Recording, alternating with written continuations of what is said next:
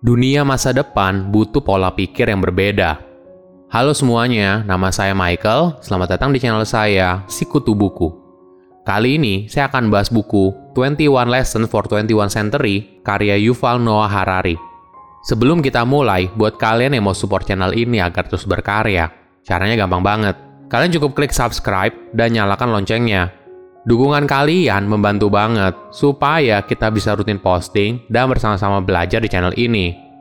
Buku ini membahas soal masa depan umat manusia dan apa yang bisa dipelajari dari abad ke-21. Pemikiran manusia cenderung suka untuk cemas akan hal di masa depan.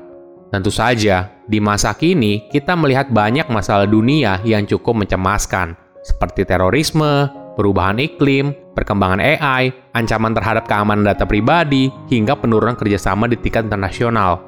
Di tengah semua perubahan yang sangat cepat, kita perlu kritis dan bertanya soal pertanyaan yang tepat. Saya merangkumnya menjadi tiga hal penting dari buku ini. Pertama, perubahan dunia yang sangat cepat. Umat manusia menjalani perkembangan revolusi yang sangat cepat apakah kita bisa memprediksi dunia akan seperti apa pada tahun 2050 atau bahkan pada tahun 2100?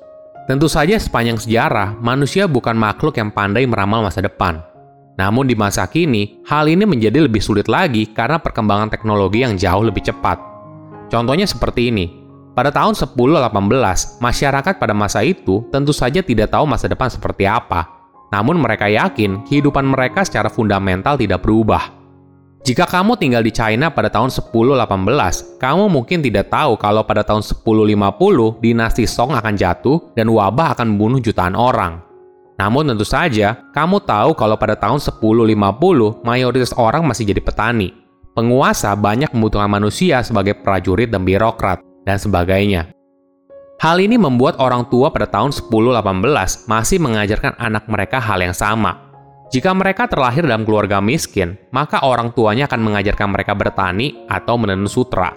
Sedangkan bagi keluarga kaya, maka orang tuanya akan mengajarkan anaknya membaca ajaran Konfusius, menulis kaligrafi, dan menunggang kuda. Orang tua mereka masih yakin kalau keahlian ini masih akan berguna pada tahun 1050. Zaman sekarang, semua hal ini 180 derajat berbeda. Kita tidak tahu bagaimana China atau negara di dunia lain seperti apa, kita tidak tahu hidup kita seperti apa ke depannya. Mungkin saja beberapa orang hidup lebih panjang daripada ekspektasi hidup masa kini. Mungkin saja tubuh manusia akan menjalani bioengineering dan sebagainya. Pertanyaan berikutnya, apakah kita harus bergantung pada teknologi? Teknologi bisa membuat hidupmu jauh lebih mudah, namun di sisi lain, ketergantungan pada teknologi malah menyandra hidup yang kamu jalani.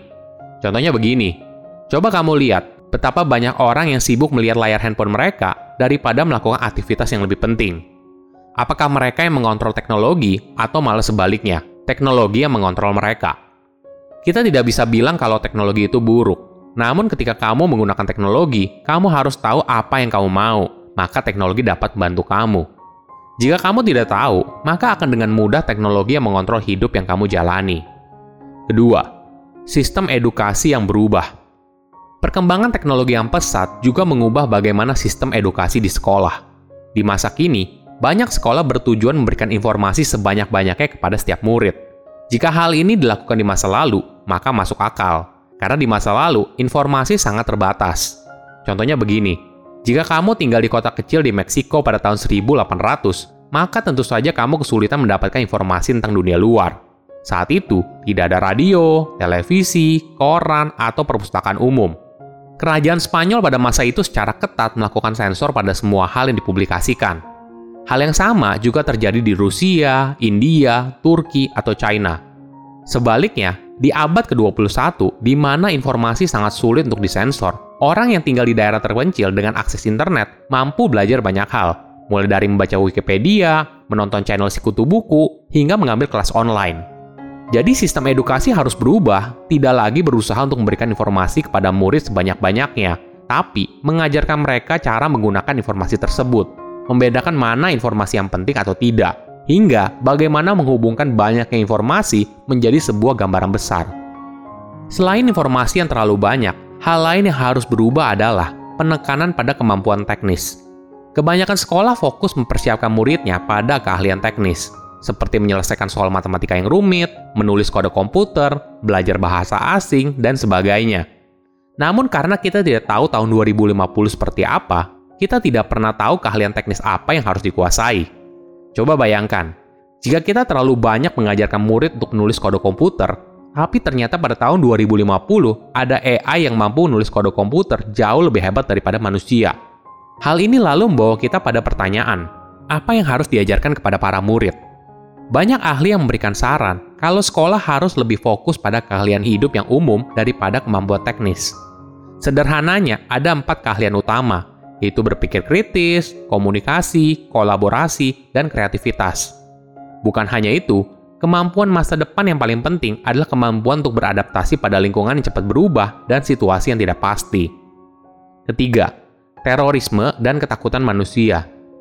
Teroris adalah seorang yang ahli dalam mengontrol pikiran manusia. Mereka membunuh orang dengan jumlah yang sedikit dibandingkan hal lain. Namun, mampu menciptakan teror untuk menakuti jutaan orang di dunia, termasuk negara di Uni Eropa dan Amerika Serikat. Sejak peristiwa 9-11, setiap tahunnya teroris membunuh sekitar 50 orang di Uni Eropa, sekitar 10 orang di Amerika Serikat, sekitar 7 orang di China, dan 25 ribu orang secara global kebanyakan di Irak, Afghanistan, Pakistan, Nigeria, dan Syria. Sebaliknya, kecelakaan lalu lintas membunuh 80 ribu orang Eropa, 40 ribu orang Amerika, 270 ribu orang China, dan 1,25 juta orang di dunia. Sama halnya juga dengan diabetes dan tekanan gula darah tinggi yang membunuh 7 juta orang. Jadi, kenapa rasa takut kita lebih besar kepada terorisme daripada dengan gula? Kenapa pemerintah memberikan tindakan tegas kepada terorisme daripada memerangi tekanan gula darah tinggi? Ada perspektif yang menarik. Terorisme itu ibarat sebuah lalat yang menghancurkan sebuah toko yang berisi barang pecah belah. Lalat itu sangat lemah dan tidak mampu menghancurkan toko tersebut. Namun ternyata dia bisa. Apa yang lalat itu lakukan? Lalat itu ternyata mencari seekor banteng dan berdengung di telinganya. Kejadian ini membuat bantengnya marah menjadi liar, dan menghancurkan toko yang berisi barang pecah belah. Lalat dan banteng itu adalah analogi teroris dan pemerintah. Inilah yang menggambarkan banyak negara adidaya melakukan agresi militer untuk menenangkan rasa takut jutaan warga di negaranya. Dalam menghadapi teror yang dijalankan oleh teroris, Harari memberikan beberapa tips yang mungkin berguna. Pertama, dalam menghadapi terorisme, lebih baik pemerintah fokus pada aksi senyap memberantas jaringan terorisme Hal ini untuk mencegah informasi yang berlebihan. Kedua, media juga berperan untuk menyiarkan fakta sewajarnya. Pemberitaan yang terlalu masif malah menciptakan teror di masyarakat. Padahal banyak hal lain yang lebih menakutkan, seperti diabetes atau dampak perubahan iklim. Namun tentu saja, hal tersebut kurang menarik. Ketiga, setiap orang juga harus ikut berperan.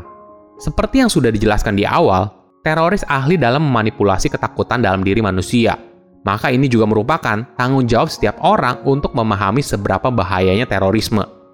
Dunia masa depan butuh pola pikir yang berbeda. Apa yang kita pelajari saat ini, dalam 20 hingga 50 tahun ke depan mungkin sudah tidak relevan lagi. Silahkan komen di kolom komentar pelajaran apa yang kalian dapat ketika baca buku ini. Selain itu, komen juga mau buku apa lagi yang saya review di video berikutnya.